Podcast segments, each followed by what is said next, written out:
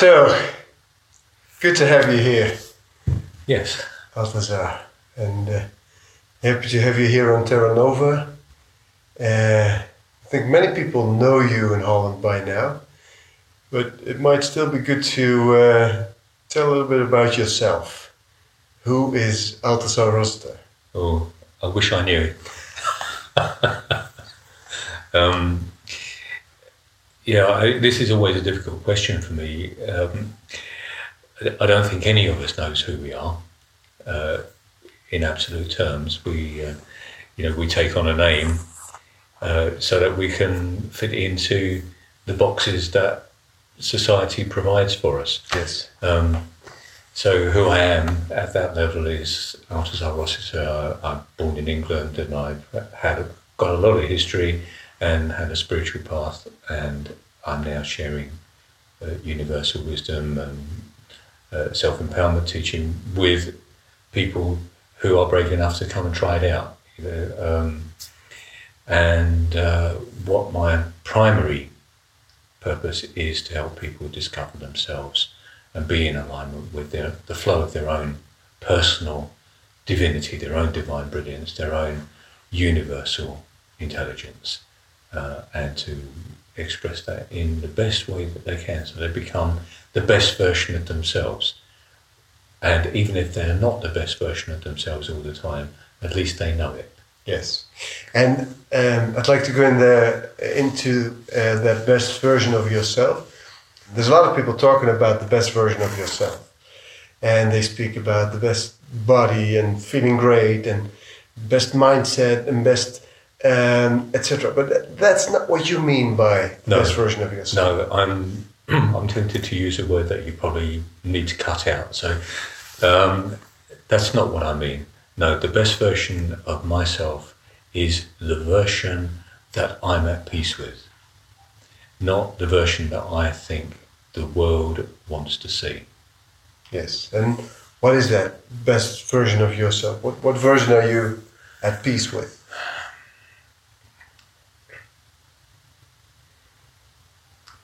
Um, I have to go inside a little bit.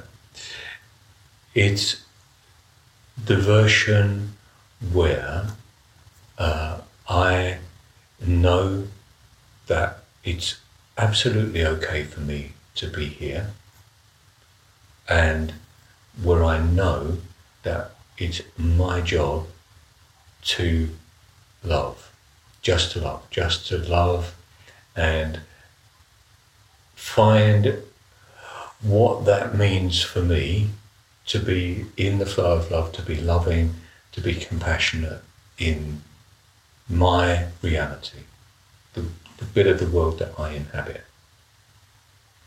And when I'm in that place, that's the best version of me. And it supports others to be the best version of themselves. Yes. And, you know, uh, and that's how I see the world works. It doesn't work when people stop doing that. And how do you obtain such a state? By getting it wrong an awful lot of the time, Mhm. feeling the pain of that, and making a determination, a concerted intent to be different and to find the way of peace within yourself. That's how. Yes. um, that involves an awful lot of self-searching, self-reflection, and going inside. it. And the world we live in uh, wants to make us look outside all the time. You will be happy when you've got this car, when you've got this house, when you've got this partner, when you've got many partners, when you've got many cars, when you, you know, uh, when you when you've got this perfume and you've kind of sprinkled it all over you, that's when everything's going to be great. Uh, and all of that is noise. It's not who you are. It's not going to give you what the advertisers promise you it will give you. All that does is links into a sense of your own inadequacy, which is programmed into us throughout the culture and education system that we inhabit. Yes. It's it's like almost every aspect of our culture, all of our institutions, our education, our religions, they teach us that we are not good enough as we are. We need to be better. We need something else. And all the time that disempowers us and keeps us in a small box looking for what's going to make us better. Mm. You know, we'll go on this next course, we'll do this next qualification, we'll we'll do this next trip, this holiday, we'll do we'll, there's millions of things that we've got to do that are going to give us what we think is missing. And there's nothing missing. That's the big joke. There is nothing missing. Mm. Now, you've been working on this best version of yourself for over 30 years. Mm. Can, you, can you share a little bit about it? Uh, how did you um, enter this path? What happened in your life? Um, it's a long story because um, it's over 30 years long. We haven't got that time. No, no, the, the short version, yeah. So, short version. Um, okay. I'll start where I was in a mess. I was a complete mess. Um, I, I was in my mid 30s. Um, my marriage didn't work, hadn't worked. Um, my uh, my job was disappearing. Um, so my inca- I, I'd been making a good income in the oil industry. That was disappearing. Um, yeah. In the oil industry as an engineer. yes, electrical engineer, uh, designing power systems for oil rigs and uh, Yes, chemical plants. yes. It's something that has nothing to do with what you're doing today. Not really, except you know you can talk about electricity and energy, and there- Yeah. there's some kind of connection. Yeah, yeah. Yeah. And at the same time, you have a PhD in something completely different. Oh yeah, but that's part of the path. see. Okay, yeah. you know, so first of all, um, I I realised I was a mess. I was completely emotionally shut down. I, you know, I couldn't feel a thing. I really couldn't feel anything, and I knew I was in trouble. Um, one of the things I uh, I don't tell too many people, but we're going to make this public now. Um, I was in such a such a tied up, bound place that I'd be walking along the street, having arguments in my head with all the people that had pissed me off, all the people that had got it wrong, that you know that were making my life a misery, um, and I was having these arguments, and you know telling them what I thought, and hearing their responses and telling them again, and I was simply walking down the street and I could hear somebody saying my words aloud. And it was me. And I thought, I'm walking along the street having an argument with myself aloud. um, I thought, I need to do something about this. so uh, I did. Um, the first thing was I didn't want to go to uh, the medical profession because they put me on uh, tranquilizers, get me psych- psychiatric help, and all that stuff. And that would go on my medical records. That would affect employment prospects. That would affect insurances. That you know, just didn't want anything to do with that. And I, something intuitively told me it was not going to be Hmm. of any real use. Um, but I didn't know what to do. But I found uh, a brochure was from uh, somebody a bit like us now. Uh, only I don't think he was quite as switched on as, as we are, but he was doing his job at the time. He was doing a course on stress and burnout, and he had a few questions, you know, like 20 questions. Are you this? Are you that? Are you the other? You know, I ticked them all, you know. So, Oh, yes. Uh, three times, you know. so I went along, and uh, it was this ten week course, and uh, it virtually saved my life. But this is the way the, the universe works. You know, once you start to decide that you're going to make a change, you're going to change your life, change it, who you think you are, all all the reality that you've been living on, then things, you know, a door opens up here and then a door opens up there. And the main thing that I got from that course, there was many things. We did bits of massage and uh, games and things just to get us relaxed and so on. But uh, he taught us a Buddhist meditation. Mm-hmm. It wasn't him actually; it was his girlfriend, uh, who was a Buddhist teacher, and she came in and taught us a Buddhist meditation, the meditation of loving kindness, metta bhavana. And of course, you start with yourself with that, and that, and I couldn't do that. You know? He sent because metta bhavana, metta is the universal Me, love. Yeah, bhavana is, is Pali for meditation. Y- yeah, you send love to yourself first, and then to other. Yes, yeah. So, so you've got to start with yourself, and yes. the, so the first thing is, if you can't get into it, it's not even about sending yourself love; it's about feeling good about yourself. Mm. And if you can't feel good about yourself, you can't feel good about anybody or anything else, uh, no matter what anyone tries to tell you. Well, I couldn't get started, you know, because all I could see was the mess that I'd made of my life and how awful I was. Yeah. And how I hadn't even, you know, didn't match any of my own ideals of, you, know, even the old fashioned ones of, you know, what I've been taught in school. I just didn't measure up to any of them. So I was this awful person.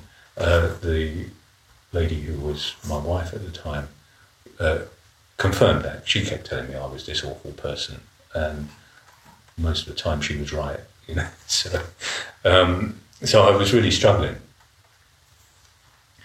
but I kept on it with it, and gradually I was able to expand and you know offer compassion and love yes. to others. Not immediately, it took a while, but I practiced that for years. Um, and it became a, a, a, practice that I teach myself now. Yes. Um, so the metta bhavana, the, the, the loving kindness or universal love meditation, it meant a lot for you and it did a lot. It, it did a lot and it meant a lot. And for me it's still a foundation of uh, how I work now. Um, you know, one of the things I endeavour to do when I'm working with one on one or working with uh, with a group is I hold a space of love yeah. for whatever is present, whatever is present. Hold it in love. Um, and there's a huge power in that. Uh, but it's it's not easy. It's taken me a long time to actually build my own field to be able to do that. Mm. So that was that was the initial uh, kickoff point, and then uh, you know my uh, first wife decided that she needed to be somewhere else. Uh, fair enough. Uh, it suited us both. And uh, at the time, my son was uh, 14 years old, and he decided he was going to live with me, not his mother. And so I had to find something to keep me occupied while I was still around for him. I couldn't, you know, fly off and do all the things that uh, middle-aged men think they they've missed. Mm-hmm. yes. Um, and I went back to college and I did an English degree. And then I got interested in how language works um, because it was making me see how it worked in me and how I how I operated internally. And uh, I went on and did a PhD in how language works, linguistics and psychoanalysis, um, and just how the the mind and language they they overlap. You know, they you know it's a it's a two way street. You know, thoughts are turned into words, and words trigger thoughts, and it just keeps going backwards and forwards. And our, our internal programs run in that way through through association and and just strings of association which make up a story which is is just our story. It's, it's, it's mostly completely fiction. Um, and it's based on our interpretation of our circumstances and what we think other people have done to us and ignoring all the things we've done to ourselves. It's kind of Yes. it is part of the joke. So that's where the PhD came from. Um, but also, uh, I kind of uh, was very disenchanted with uh, with the world in general and with uh, my working environment, and I uh, started to explore uh, metaphysics. You know, spirituality. Uh, I didn't see the Buddhist meditation as spirituality initially, but eventually, you know, I, I'm a slow learner. It took me a few years. I began to see, okay, this is a direction that I don't know anything about, Mm. and it's certainly uh, better. It makes me feel better than what I've been doing, um, and um, as a consequence of doing the meditation and practicing, uh, my own energy healing channels opened up. They opened up spontaneously, so you know it felt like I was completely switched on and plugged in and glowing, and you know just radiating energy out of the palms of my hands, and it was pretty scary uh, because I didn't know anything about that at the time. Um, but I had two responses to it. One was, "Wow, this is great. There's really something for me to explore. This, you know, this is there's another dimension to life." And the other one, really strange. It was, "Oh no, oh no, not this again." you know, and it it was almost like that was a memory from another lifetime. not almost. Yeah. A memory from another lifetime or from other lifetimes. And, you know, as, as you and I both know, um, now uh, we see the trauma of other lifetimes and, uh, and also ancestral trauma where people have uh, taught universal wisdom, earth wisdom, natural wisdom, natural healing, and been completely persecuted and uh, damaged, Yes. seriously damaged by the dominant culture. Yes. Mm. Are you aware of your past lives as a uh, healer or a spiritual Mm, teacher? Not especially. Mm. Um, I am aware of some, but not not in great detail. And one of the things that I've known, I've always been sensitive and, and had to shut that down, which was part of my pain. I shut down my sensitivity because when I was a very small child, uh, I could remember being alive before. I could remember being a man, and I would join in with my parents' conversations and say, you know, they would be talking grown-up stuff, and I'd say, oh yes, when I was a man, I used to do that. Oh yeah. Yeah, Yeah. uh, and of course Yeah. that wasn't very welcome. No, no, not back then. My son Luca does it too. Yeah, yeah. And now it's welcome. Well, it's okay, Yeah, yeah. yeah. we, we, we talk Yeah. talk with him about that. Yeah. So, um, during the past thirty years of your of, of your practice, who, who were your most important teachers? Ooh. And that is a good question because I don't have any teachers in a traditional sense. Um, I suppose, you know, in some ways, you know, the most important teacher was uh, the man who was running the uh, the initial course that I went on. You know, his name was Mike Considine. Uh, I don't know who he's associated with now, where he is, um, um, but he was an important teacher because you know that kind of got me going. Um, another important teacher was um, a man called Michael Buckley. He was uh, Monsignor Michael Buckley, a, a Catholic uh, priest, and that was again uh, uh, there's a there's an episode there which I kind of skipped because I I wasn't going to go into that. Um, one of my partners, uh, the, my previous partner to the one I have now, uh, was uh, a lady who was interested in spirituality and psychology and healing and all that kind of thing. She was is still Irish, as far as I know. She's still still alive, um, and she'd come from a Catholic background, and she'd heard of this priest who does uh, or did um, spiritual healing in the church, and and she said, you know, why don't you come along? He's coming to a church. I was living in London at the mm. time. He's coming to a church, um, you know, close by. Why don't we go?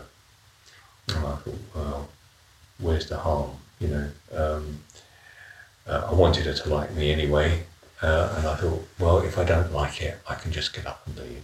And uh, I was really quite surprised. What what happened was I went to this place uh, and it was really packed, you know, standing room only, and I, that surprised me because I thought, you know, what's what's everybody doing here? You know, I thought there would only be a handful of people, you know, um, and then the you know the the priest said the Catholic mass, and I'm not Catholic, I uh, wasn't brought up Catholic, didn't know anything about it. And you know, there's this ritual where people get on their knees and they stand up, and they get on their knees and they stand up. But you know, in the sequence of the of the service, and I thought, well, I'm not going to do that. I'm not going to pretend.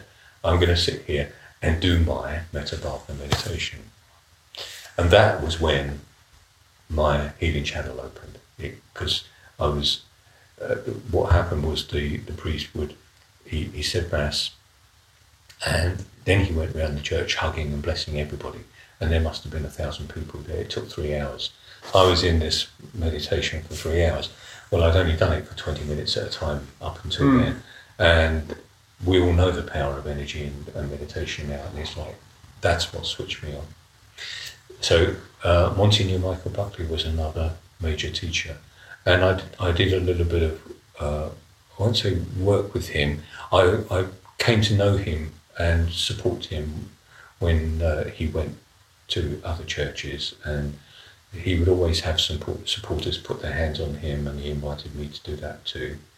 So I did that, and he also anointed me for healing, which is really quite unusual. Uh, priests don't do that very often. They mm. certainly don't do it to non-believers like me. Mm. So um, that was quite an interesting experience.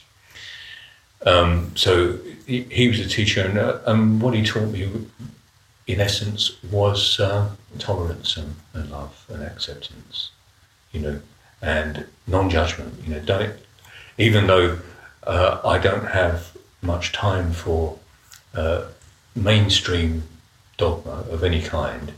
Um, again, don't judge it. It's there's people that are doing this. There are there are many people doing good work within those organisations, as well as the the dark side of it. So it's about acceptance and just understanding that people are doing their best, even though it's misguided. Mm. You know, um, and so they they need compassion for that. And the you know the more you can hold that vibration of compassion, the more you give them the opportunity to join you in that vibration and, and make the shifts inside themselves. So he was another teacher. Um, once my healing channels opened, I I heard about Reiki. Uh, in uh, Holland, you call it Reiki, mm-hmm. um, but I call it Reiki. um, and somebody was telling me um, that you know when you when you get initiated into Reiki, you, you you know you, you get all this energy in your hands and you can lay your hands on people, and so I thought, well, that sounds like me, um, and it's it's a better label than the church as far as I was concerned. You know? So I thought, well, I better go and do this.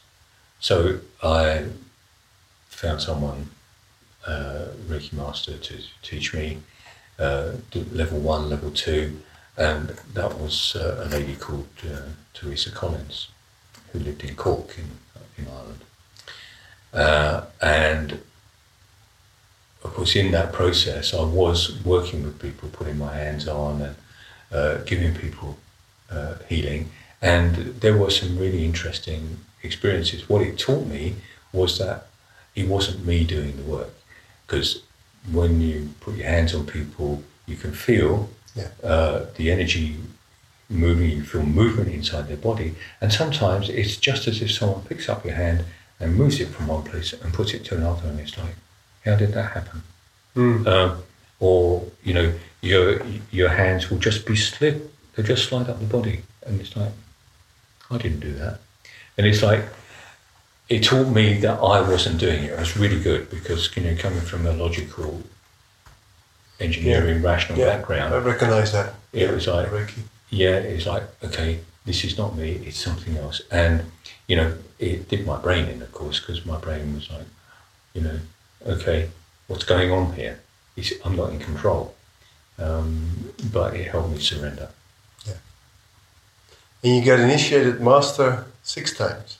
Uh, yeah, once I became a Reiki master, I found other Reiki masters and uh, we swapped initiations. So I've had uh, a Reiki master initiation from six other other masters. Yes. But you swapped because it's the funny anecdote is because we know each other for seven years now. Oh yeah, And you told me this Yeah. years ago. And then I figured, oh, okay, I need to get those Reiki initiations. So I went and became Reiki master in one lineage. and then I went to Thailand and spent one and a half years mm-hmm. there to become Reiki master in another lineage. Mm-hmm. And I was about to, to go in for the third lineage. And then you told me, no, no, I didn't do all those, you know, I didn't do all the lineages. I just took the master initiation. I'm like, okay. It took me a lot of time. But the, the, the, the Reiki in Thailand was um, interesting because it's it was about energetic operations. It's Yes. not just laying the hands, but Yeah. from there you work in the four bodies and the um, I've seen some of that. yeah, it was beautiful. So Yeah. I thank you for that uh, experience, Yeah. for, for triggering that. So, um, um, um, talking about your teachers, so so, so the, the Reiki was the next important Mm. Yeah. step. It also taught you how the universal energy is just flowing through you, and uh, there's. Yeah. guides and there's other beings and entities helping. And what was the next step? Um, I, I've always been a reader. I so you know I was reading lots of stuff, um, and one of the things that I read. Um, I'm trying to think.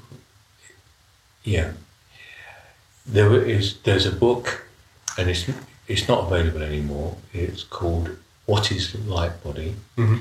and it's by, or, or was by, it was a channeled book by somebody called called Angelis Arian, and I don't think she's in body anymore, um, and the book is not available. Um, but there was a whole load of practice and process in there, which really made sense to me, especially working with words. Yeah, you know that um, I get people to speak aloud their intent. you Yes. know. and it that was one of the first places where I found out uh, somebody else was saying, "Speak your intent aloud," uh, because there is much more power in that than doing the work internally. Um, and I was figuring out how to do that. So, okay, I'm going to ask uh, the universe, ask spirit, ask divine intelligence.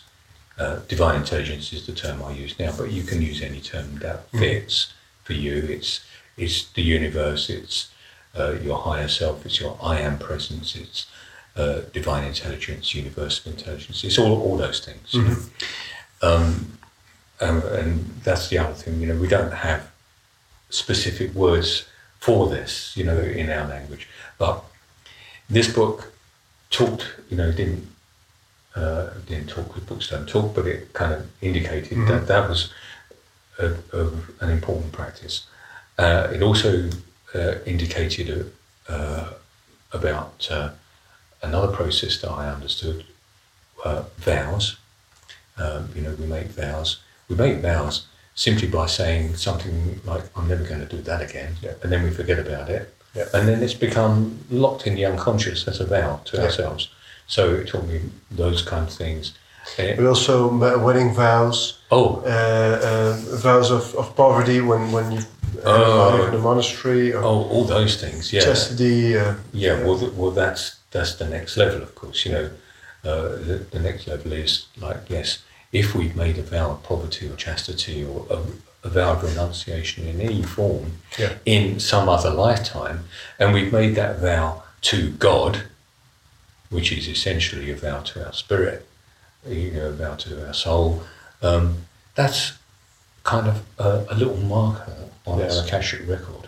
exactly in our karmic body. Yes. And many people walk around with those vows. They, Yeah. they don't they don't get and, and they out of- bleed through into other lifetimes. yes exactly exactly. They have money problems with money, problems with relationships. Yes, And once you break the vow, uh, it, it might flow again. it helps it to flow. There, Yeah. you know, you've still got to learn. Uh, you know, I, I don't think it's a. Uh, it's not always a, a fix it thing. Um, often it does, but there, you know, there are lots of other players. You, you know, there's there's explorations to be made. You can't just say, "Oh yes, uh, I'll break this vow of chastity and then I'll be able to have a relationship, or I'll break this vow of poverty and then I'll, you know, I'll win the lottery." Um, but it helps you to rebalance your own energy system so that you can start to integrate and interact in, uh, you know, interact with money, interact in relationships, and, and so on. Yeah. So um, that book brought it together because you, you started to work with divine intelligence. Yeah. Uh, the words, language had your interest. Mm-hmm. You're a musician, right? Mm. You have five guitars at home. You, you Yeah. have a YouTube channel full of beautiful music, Oh, guitar sing, music, yes. and, and you also sing. Yeah, Yeah. Uh, and so you use, use a lot of music in your work. I do. Uh, and it, that, was, that, that book, was it, uh, what was the title of the book? It was called "What Is Light Body." What is light body? And that was the, the, the turning point for you. Well, no, it, it, that was just one. Of, that's one of the stages. I think you know the the, but it, it was, yeah.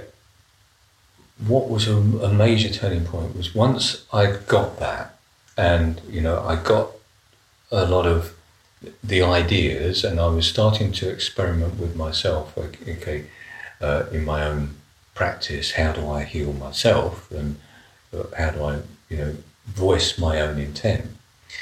I ran into uh, a transpersonal psychologist in America who was doing something similar. And what he was doing was uh, he was doing group therapy with this kind of Mhm. stuff.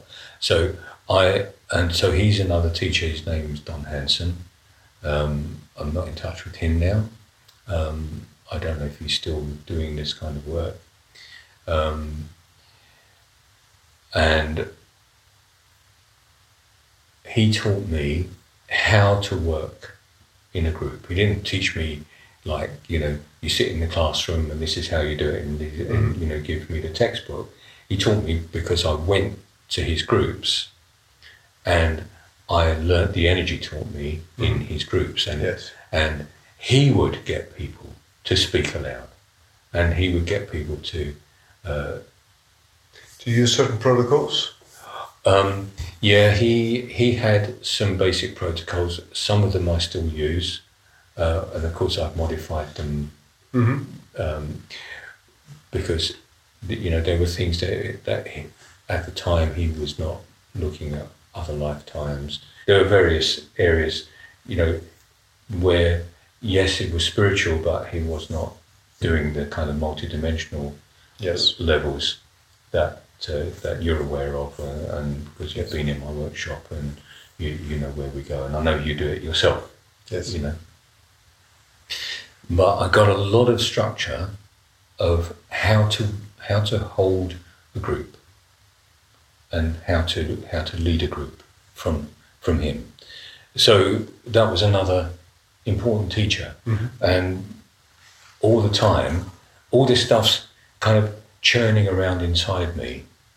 You know, how does it need to come out? How does it Yes. need to express through me? How can I make it, you know, it, my voice um, and be of service and, you know, just make it all work. The other thing also was when I was doing Reiki, I taught Reiki for four years um, and I gave many Reiki treatments. But I found that with a lot of people coming for healing, what they want is a fix. They don't actually want to change their lives or make the changes that will mean they don't need the fix anymore. Mhm. And I just, you know, you can call this lack of compassion if you like, but I just did not feel that there was any future in that. It just felt like it was a loop. It was a continual loop, and and it was going nowhere. So it, it was a, in a sense, it was a waste of my energy, because I'd give someone healing, they go away feeling better. Three months later, they come back and they want the same thing, uh, and I didn't want to give it to them because I'd given it to them once and they'd just gone and abused themselves again. So in fact, I wasn't healing them. I was enabling them.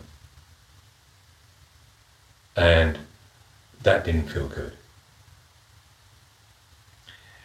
But my own path has been through the, you know, the emotional and the psychological issues, and I could, you know, all this, these threads that have come together have been leading down that that that path. You know, understanding the emotional dynamics, understanding the psychology, and the patterns that the mind makes and how it interacts.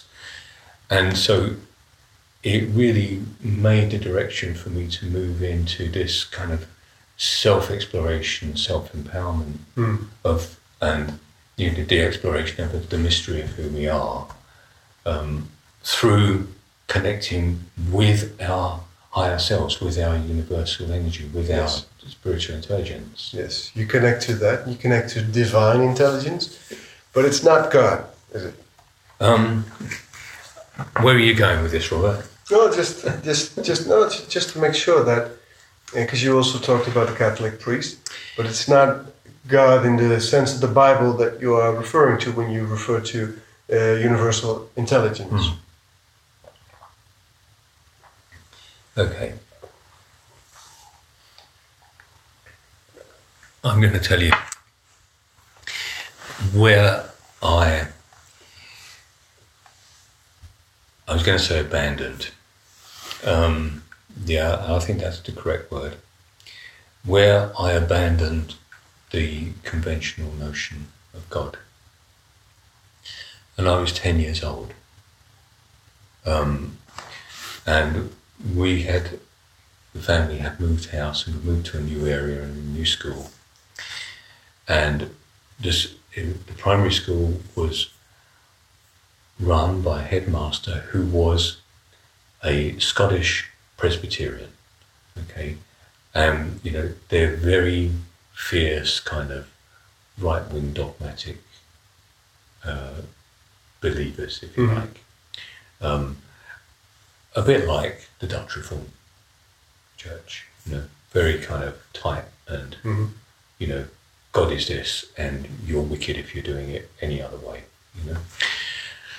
Um, and my previous school hadn't been like that, you know, we just got, you know, Bible stories which sounded pretty good to me. They all sounded very interesting and they're, all, they're nice, aren't they? Um, and that seduces us, of course.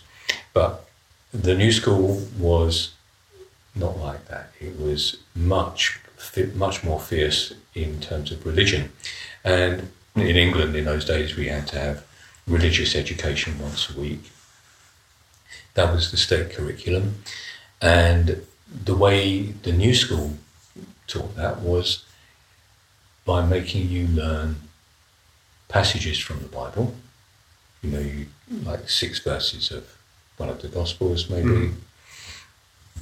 And you had to learn them by heart, and then you had to next week you had to stand up in the class and say them word perfect. And if you didn't do it word perfect, you were called out to the front of the class and you were bent over and you were beaten with a, you know, a gym, You're, you're gym that, that generation, huh? Yeah, Yeah.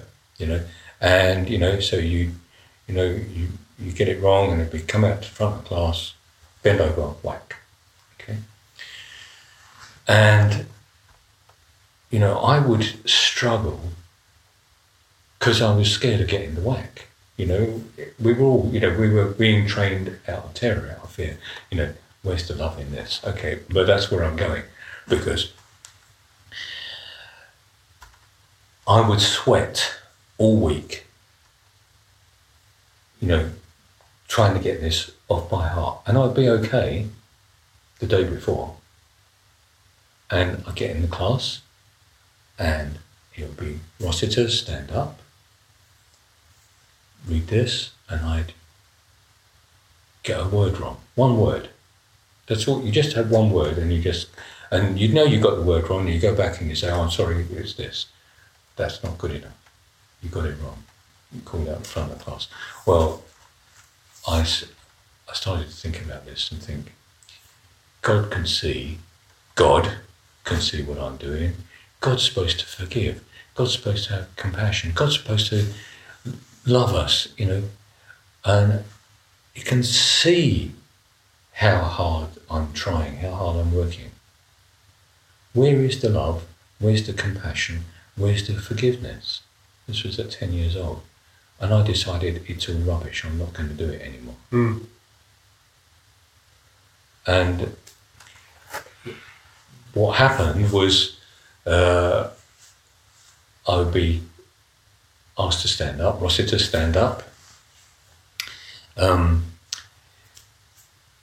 say the uh, say the passage. I can't do it, sir. Why not? Uh, I haven't I haven't done it, sir. Why not? I couldn't be bothered, sir. Come out here, bend over, whack. So I got the same whack for standing up and you know and standing in my truth uh, and being a rebel and standing up to authority Yes. as I got for really struggling and trying to behave and conform Yes. and do it all right. Yes. And I, and also it, it made me a hero. In the class. In Yeah, the I, can, class. I can imagine that. So that set Yeah. that set the tone for my Yeah. life for a number of years, and it wasn't good. Yeah. You know, you know, I can't pretend it was all good. So that's when you stopped um, That's- following that's that when I God? stopped following the conventional Yeah, Western. Western kind of God. Yeah, and you know, and I look at it now, and I still see that in in religion. You know, dogmatic, um, organized religion. It's it's full of rights and wrongs, and if you do it wrong, you're a bad person. Yeah. And um, it it just makes no sense to me. Um, one one of the things that doesn't make sense is you know we're all part of God. That's what they tell us, and God loves us. Um, so, uh, what's going on in the world with all the conflict and all the all the war and all the rest of it? How does God Yes. allow it? Well, we'll, we'll talk about that because we will, on our next uh, podcast, we'll talk about the Matrix and how to get out of the Matrix. Okay. And we'll talk about the God and the God of the Bible, Yahweh, Yeah. and how, how he fooled the world for 6,000 years, and uh, how there's a different, um, Okay, a different approach. We'll, we'll do that next time. We'll But- do that. Yeah. So um, you started to work with divine intelligence. Um, you started to, to, to, to use the protocols, the words, the uh, transpersonal psychology. You started to work Yeah. with spirit. Uh, uh, you started to work with past lives, uh, vows, but also entities. Um, Yes. And the whole, basically the whole scope, trans, uh, dimen- multidimensional, Yes. transdimensional Yes. and it grew and grew and grew, and now your work uh, you combine it with music. Um, Yeah. In a, in a, you use a lot of music. Well, I don't use music when I'm working one on one with my mentoring clients. Uh, it just uh, is inconvenient. But uh, in a workshop situation or i- in my training groups, yes, I do. Um, and what I what I endeavour to do is find music that speaks to the emotional condition. All, all good music um, comes from another sources. You know, it comes comes through composers and the and the artists. Um, and if you listen to some of the words of, of songs, even you know uh, popular rock and roll songs that you might not have thought, you know, Yes. you can hear that there's a spiritual interpretation to be made if you want to. Um, and so I look for songs that support uh, the processes of, uh, you know, letting go of our pain, healing our emotional wounds, and when I'm in a in a group situation, often, um, you know, somebody will start with uh, a particular issue, and I will guide them through a, a protocol, uh, Yes. inviting uh, divine intelligence to support them and partner with them to uh, clear the issues. Um, but very often there's a, uh, it takes a bit of time. So I play some music just Yes. to help the help the time to pass and Yes. help them to And it deepens the process. to deepen it. Yes, yeah. and but also often what will happen is once that happens is uh, somebody else in the group because when you're in a group uh, of uh, of an intent to to transform, you know that intent, that collective intent, becomes a powerful Yes. uh, tool for everybody. You know, everybody brings their energy. That's that's what creates the the sacred space. And so often somebody else might start to have an emotional response, or what might happen is, uh, you know, somebody hears the you know the, the initial process and they say, "Oh, I need to do that," and then and then you get six or ten people Yes. uh, joining in with the process. And then you find that each one has got their own thread and they've all got their own timing. Yes. And so you need to give them space Yes. and time until I play the music. I remember the uh, my year program, Aware and Awake. You uh, you you do a uh, part of that, and I remember we were at the um, at the top floor, and the circle was there. There were uh, a, a huge group of people, uh, 50, 60 people in that circle, and um, so I stepped up, and you were starting, and the music was starting, and I went down, and then I went up. And there were like 20 people on the floor in process, and Yes. other people helping them. And Yes. it was. I was like, how? And I know your work, and I've been. Um, um, um, it was uh, seven seven years ago. I started to uh, to do the first Yeah. workshop, and it's that it's it's that magic of you invite divine intelligence to work through and around you, and on all.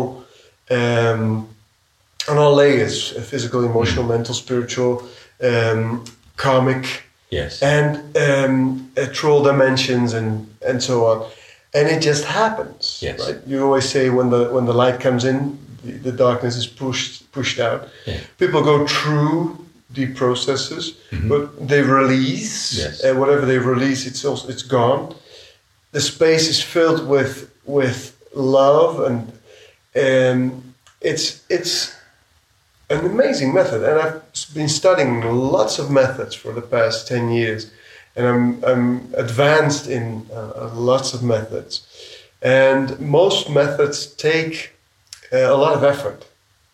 Your method uh, doesn't take a lot of effort from the coach or the facilitator or the therapist, but it, it, it, it doesn't even take a lot of effort from the from the client or the participant. No. It's spirit doing all the work. Yes. And that's the magic of it. Yes. It's happening. And that's also um, um, why I love it so much because there's no no mind interfering. It's spirit doing the work, and it knows exactly what's good for that person at that po- that point in time, and what needs to be clear. Yeah. Well, uh, and that's, if you like, that's the difficult part.